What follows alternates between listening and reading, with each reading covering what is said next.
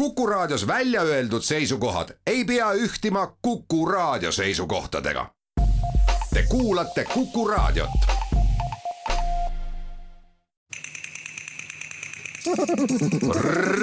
reisirada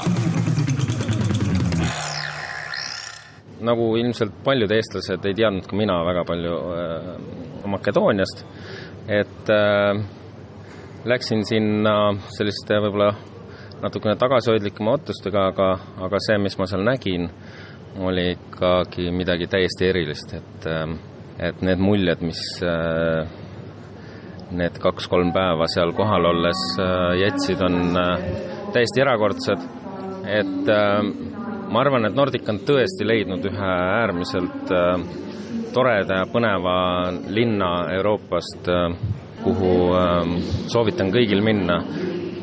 ja kui, kui mõelda sellistele perereisidele, siis ma arvan, et just see on ka ideaalne koht, äh, sest teatavasti perega reisides on suuremad kulud, et äh, see kohapealne elu seal on ikkagi väga soodne võrreldes nii-öelda Eesti Eestiga, et ja äärmiselt toredad inimesed, äärmiselt tore loodus, see järv, mis Ohridi linna nii-öelda sama, sama nime kannab, on, on lihtsalt midagi täiesti erilist, et jah, me oleme harjunud tõesti võib-olla merede ja ookeanite äärde sõitma, aga aga see järv on täiesti eriline, et saab ujuda, tegemist on äärmiselt puhta veega ja, ja kindlasti soovitan. usutlesin Toomas Uibot, Nordica marketingi ja kommunikatsioonijuhti lennujaamas peale reisi lõppemist. Tere, Kuku raadio kuulaja!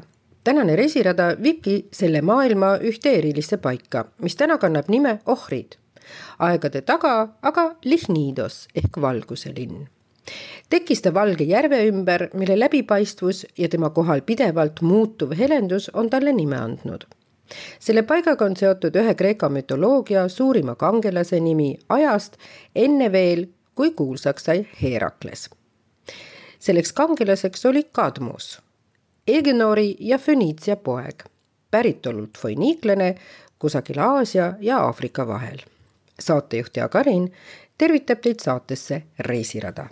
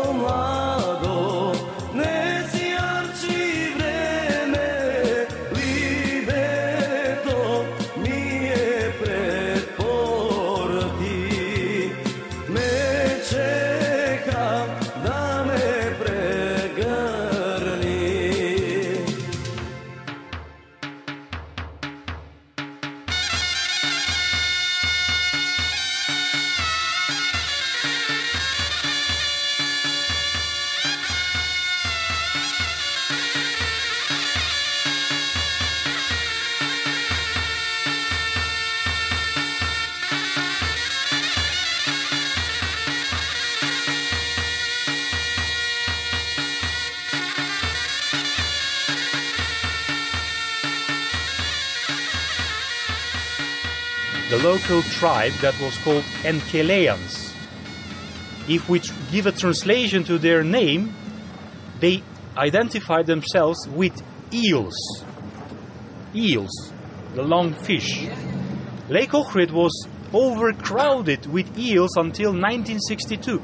So no wonder why they uh, the, the greatest feature of that those ancient people were the eels. They were actually worshipped. Um, they had a trouble with uh, some Illyrian tribes, and uh, Cadmus, as a very good strategist, according to the ancient myth, he helped them to win the battle, and as a gratitude, they pronounced him, they declared him as their ruler, and had he got the liberty to establish a totally new city, and he, he named it Lichnidos. Tollal elas seal Enkeleja rahvas, kelle nimi Ios tähendab angerjat. Neid leidus ohvridi järves suurtes kogustes veel tuhande üheksasaja kuuekümne teise aastani. Pole ime, et tollase rahva lood on seotud just angerjaga. Neid lausa jumaldati. ent mõned jumalad olid ka Kadmose peale pahased, sest ta oli Teeba linna ehitades tapnud draakoni. Zeus needis ta ära, et tal ei oleks elus õnne. tema naine Harmonia oli Aarese ja Afrodite tütar kuid Afrodite tegelik abikaasa oli Hephaistus, allmaailma sepp. ta oli väga armukade ja andis oma võõrast tütrele neetud kaelakee. kui teebalased sellest kuulda said, ei tahtnud nad äsja asutatud linnale halba õnne ning saatsid ta maapakku. kui vihased jumalad saabusid, määrati Kadmosele karistuseks, et ta muutus samaks loomaks, kelle ta oli aastaid tagasi tapnud. nii muutuski ta draakoni Ioks, draakoni pea, ent angerja kehaga. Lake which is three, mo- around 300 meters deep. Maybe we should go fishing now. So we also have a, a story of uh, the Loch Ness creature, Okay. even since the period of, of the ancient time, because uh, Harmonia was worshipped here, on the other side of the of the lake, in Albania. During the 1950s, the Albanian archaeologists discovered a bronze statue in a form of a dragon eel with the inscription Harmonia. So she was highly appreciated and respected during the ancient time. järv on kolmsada meetrit sügav, niisiis naerab meie giid, on ka meil oma Loch Nessi koletise lugu olemas. Harmooniat aga jumaldati ka teispool järve. tuhande üheksasaja viiekümnendatel aastatel avastasid Albaania arheoloogid pronksist draakoni Angerja kuju, mis kandis harmoonia nime. viimase saja aasta jooksul on arheoloogilistel väljakaevamistel leitud palju, näiteks kaks, hiljem koguni viis kuldset surimaski ärge unustage, rõhutab Giid uhkelt, et me räägime kuuendast sajandist enne Kristust. Bulgarians kept that as a, as a secret. They uh, In 1917 was in 1917 there was no publication about the findings, and uh, the archaeological excavation in a, in a hurry was conducted by the Minister of War, Bogdan Filov, who later became uh, the Prime Minister of Bulgaria. And uh, then he wanted to praise, praise himself, and uh, during the 1930s he published all, everything that uh, he discovered. And then the Serbs read about it, they somehow got that book, and they went to the same spot and they discovered two other gold masks. So, two are now in Bulgaria, two in Serbia, but in 2002, just behind this wall, behind the upper gate, the Macedonian archaeologists discovered bulgaarlased jätsid tuhande üheksasaja seitsmeteistkümnendal aastal oma leiud saladusse. ei mingeid publikatsioone. kiiremas korras viis arheoloogilisi kaevamisi läbi sõjaminister Bogdan Filov, kes sai hiljem Bulgaaria peaministriks. siis tahtis ta ka endale kuulsust koguda ja nii avaldati kogu materjal tuhande üheksasaja kolmekümnendatel aastatel. serblased said raamatu kätte, läksid samasse kohta ja leidsid veel kaks surimaski Neist kaks asuvad nüüd Bulgaarias ja kaks Serbias. kahe tuhande teisel aastal leidsid Makedoonia arheoloogid veel viiendagi kuldse surimaski, milleks oli skelett kuldse maskiga. seda viimast hoitakse nüüd Makedoonia Vabariigi territooriumil Ohridi muuseumi kuldses kambris. kujutis ise on aga ka viiesaja denaarisel rahatähel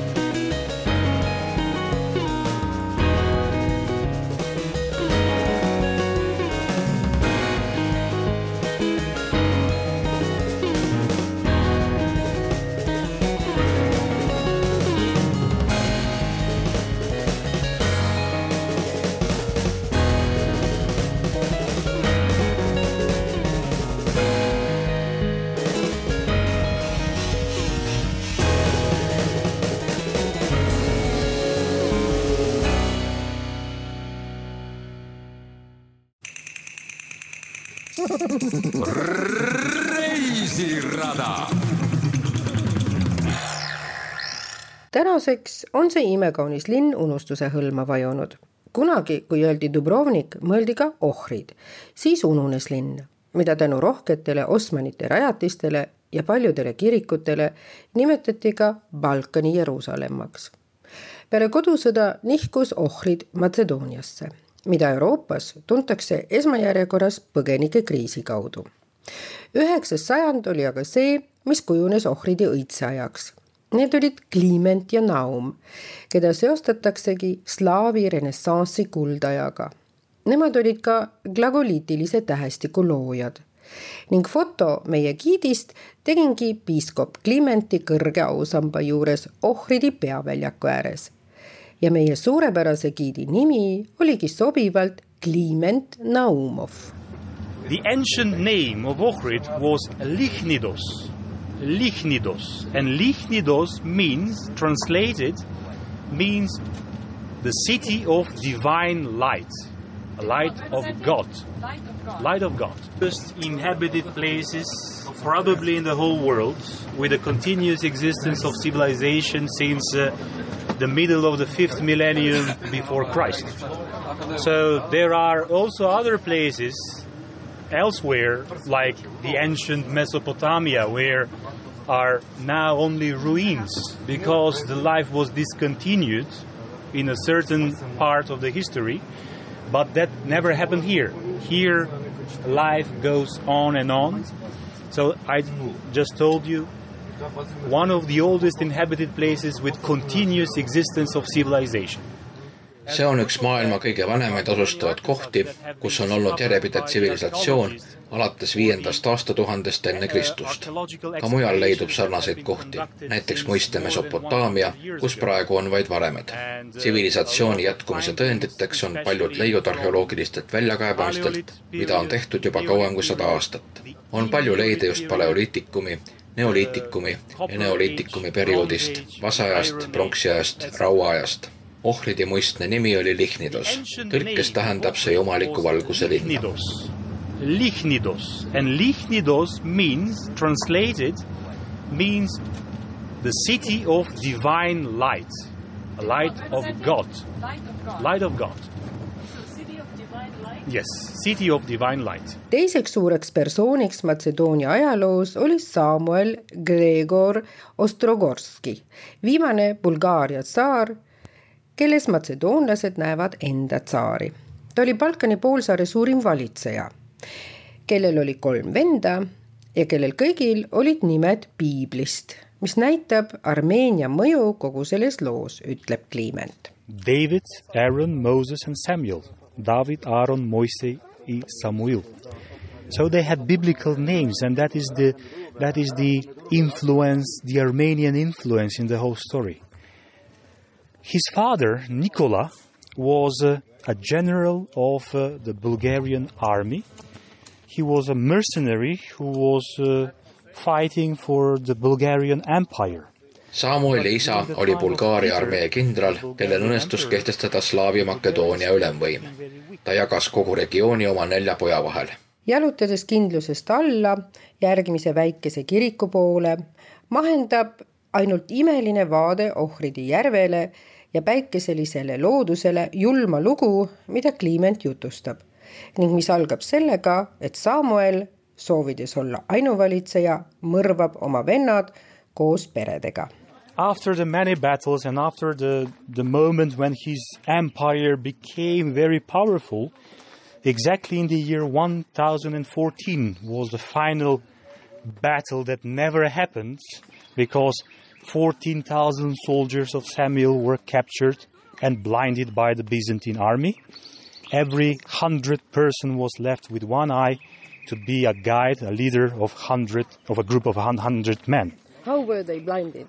They were blinded with a burning, glowing iron rod, so their eyes were poked out, and that was a very, very tragic uh, destiny for them. järgnesid mitmed lahingud, millest viimane, tuhat neliteist, ei leidnudki tegelikult aset, sest Bütsantsi väed piirasid Samueli sõjaväe sisse, tabasid nad une pealt ning pimestasid hõõguva rauaga neliteist tuhat sõdurit.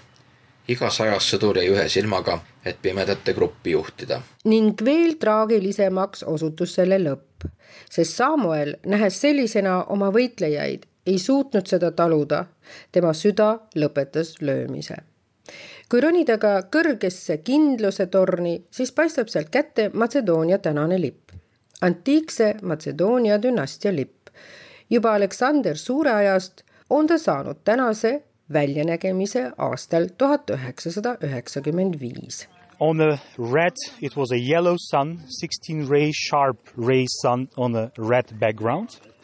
But then, uh, under the pressure of the international factor, and um, Greece, we had to change it, and we we accepted our second flag, which is the actual flag of Macedonia. It is a, an eight-ray sun uh, on a red background.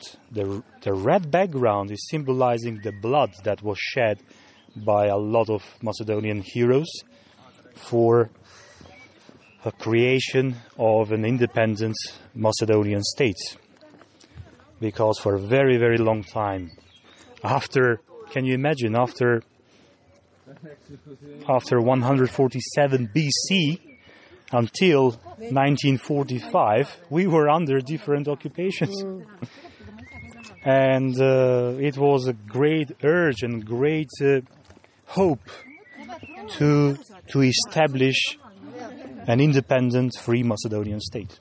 algselt oli lipp punasel taustal kaheksateistkümne kiirega rahvusvahelise surve all ja Kreeka soovil, kes protestis Vergina tähe kasutamise vastu, see muudeti. nüüd on lipp punasel taustal kaheksa kiirega, mida meil tuli aktsepteerida. punane värv sümboliseerib Makedoonia kangelaste verd, sest Makedoonia on olnud aastast sada nelikümmend seitse enne Kristust kuni tuhande üheksasaja neljakümne viienda aastani erinevate okupatsioonide all.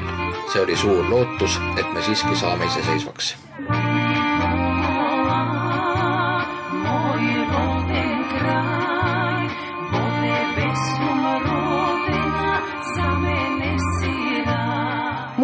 Kuulame koos mõnda tüüpilist Matsedoonia lugu. tulevad pisarad silma. It's about uh, a, a, girl, a young girl, who, whose name is Lena, or is it like an abbreviation of Helena? And uh, what is uh, very coincidental is that uh, they played it when uh, on this day, which is now the 3rd of June, and we celebrate the holiday, the religious holiday of Constantine and Helena, Emperor Constantine and the Empress, his mother Helena, who were um, responsible for recognition of uh, the Christian faith as equal in the Roman Empire in 313. Uh, I get uh, emotionally attached to this this song because first. Um, my grandmother was Elena, and also my sister is Elena, and she's now uh, today celebrating her name's name's day. She's she's pregnant. She's uh, waiting uh, twins, and uh, later tonight we will go to, to, to visit her, whole, my whole family, to wish her happiness and and to be healthy.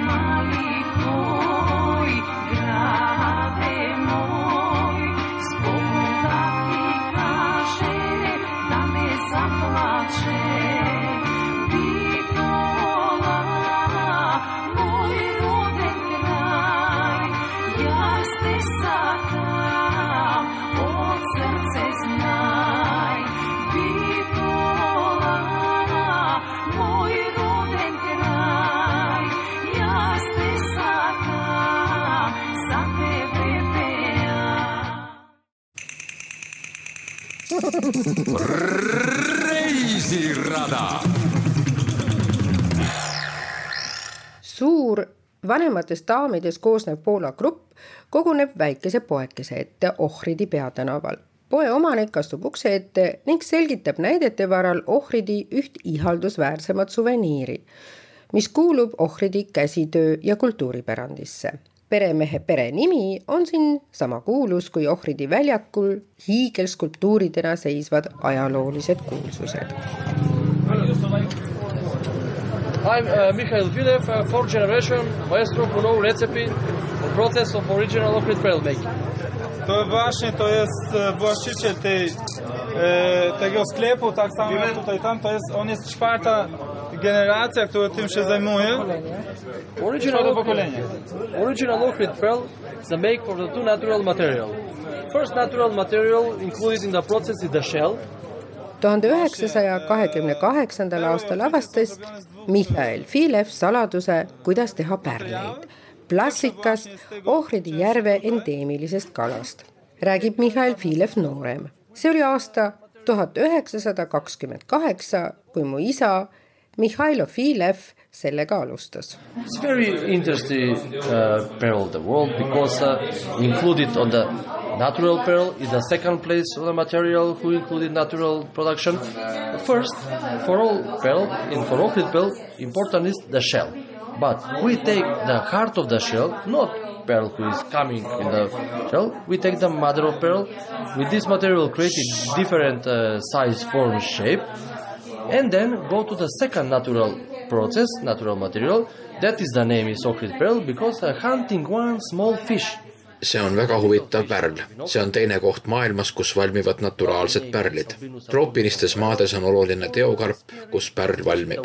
meie aga võtame, loome ise naturaalse pärli, mille nimi ongi ohridi pärl, sest me püüame selleks kala, mis on meie endeemiline liik.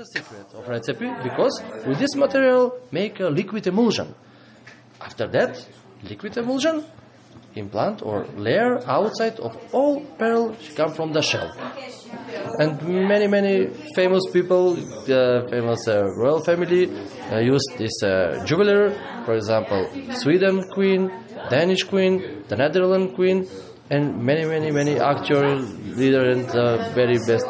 paljud kuulsad inimesed kannavad nendest pärlitest juveele nagu Rootsi, Taani, madalmaade kuningannad ning ka tänased kuulsused.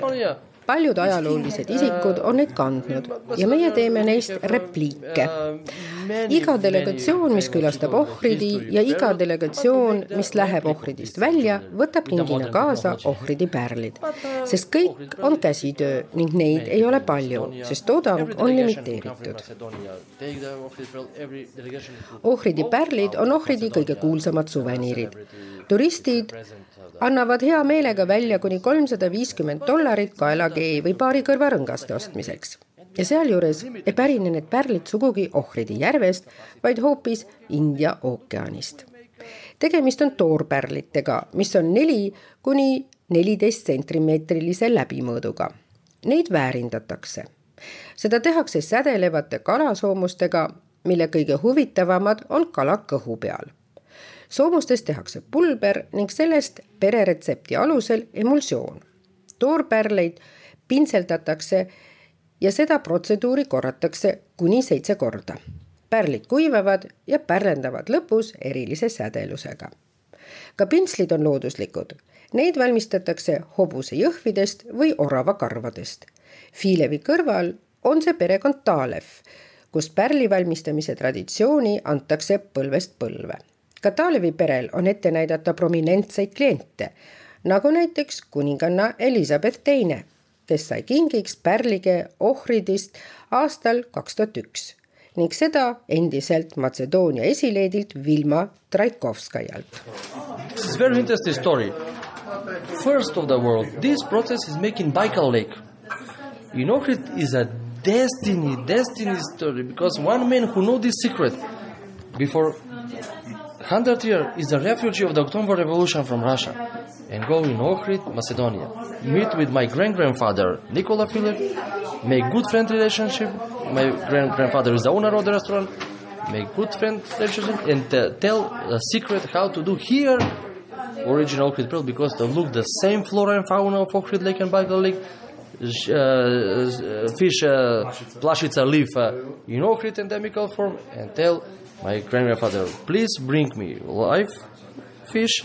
I make this, and when it uh, exists, it's possible to in Ohrid continue this uh, story and heritage. This is the destiny for family Ohrid and Ohrid and Macedonia, this craft. esimest korda tehti selliseid pärleid Baikali ääres. ohvridi pärlite lugu on nagu saatus, sest umbes sada aastat tagasi tuli siia mees, kes teadis pärlite saladust. see oli revolutsionäär, kes põgenes Venemaalt. Ta tuli ohvridisse ja sai tuttavaks minu vanaisaga, kes oli restorani omanik. Neist said head sõbrad ja ta rääkis vanaisale, kuidas teha pärleid, sest floora ja fauna on siin sarnased Baikali omaga. too mulle kala, ütles ta, ja siis saab seda protsessi siin jätkata ning Kliment ja Michael kirjeldavad entusiastlikult, kuidas pärleid tehakse, vehivad pentslitega, sirutavad välja käed kausikestega erineva emulsiooniga.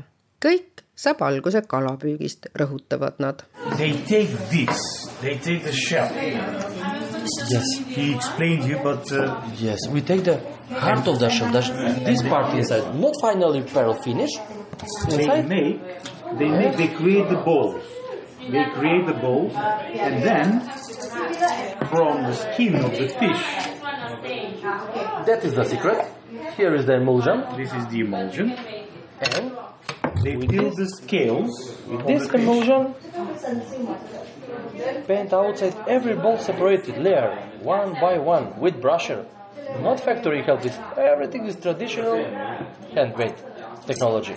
In the January is very good for making emulsion because that is the plush. It's a very good color of the body, of the scales.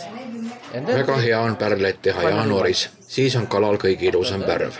võtame lõpus valge emulsiooni ja saame kaks erinevat tooni, valge ja šampanja värvi. see on hall, siin šampanja. Can you show this also? Yes, of course. This is This the the gray, and this is champagne. Yes.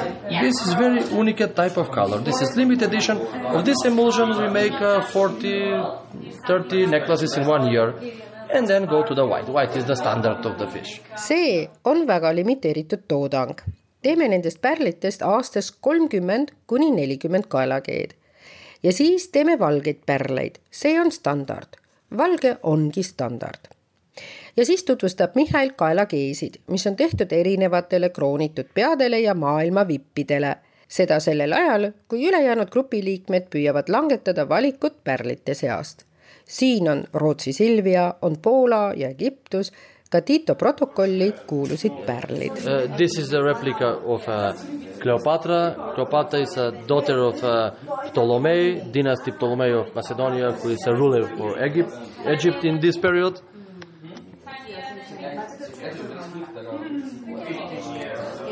Here is Olympia. This is the mother of Alexander the Great Macedonian.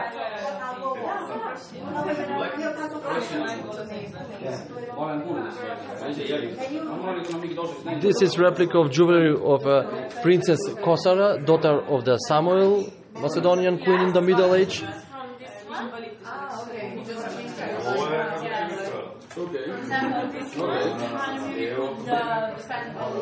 Here is the Queen Sylvia and King Gustav from Sweden. This is the model of uh, Queen Juliana of the Netherlands. Uh, this model is in the period of the Yugoslav. In the Josip Broz Tito protocol, every go in, uh, everywhere and uh, present you original pearl. Here is a Margaret II of Denmark. Here is a Bulgarian Queen Joanna Savoyska. Here is the Serbian Queen Maria Karađorđević. This is my grand grandfather to make a special jewelry for Maria Karađorđević and for uh, Bulgarian Queen Joanna Savoyska. Ohridi pärlite edu on toonud aga ka plaanile järgijaid. igal tänavanurgal Ohridis võib leida tunduvalt odavama hinnaga pärleid. Need on võltsingud, kõik plastmass, ütleb ka meie giid, sest Ohridis on ainult kaks peret, mis teevad ehtsaid Ohridi pärleid, Talev ja Filev ja need on sertifitseeritud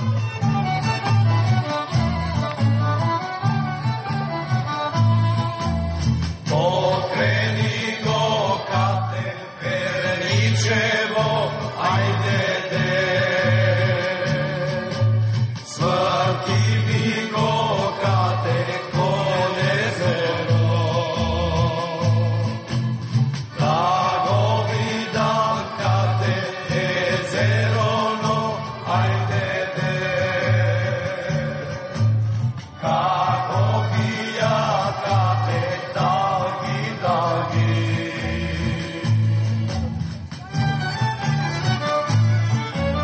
Lõunas Gradische poolsaarest asub kahekümnele vaiale ehitatud hoonest koosnev küla vee peal.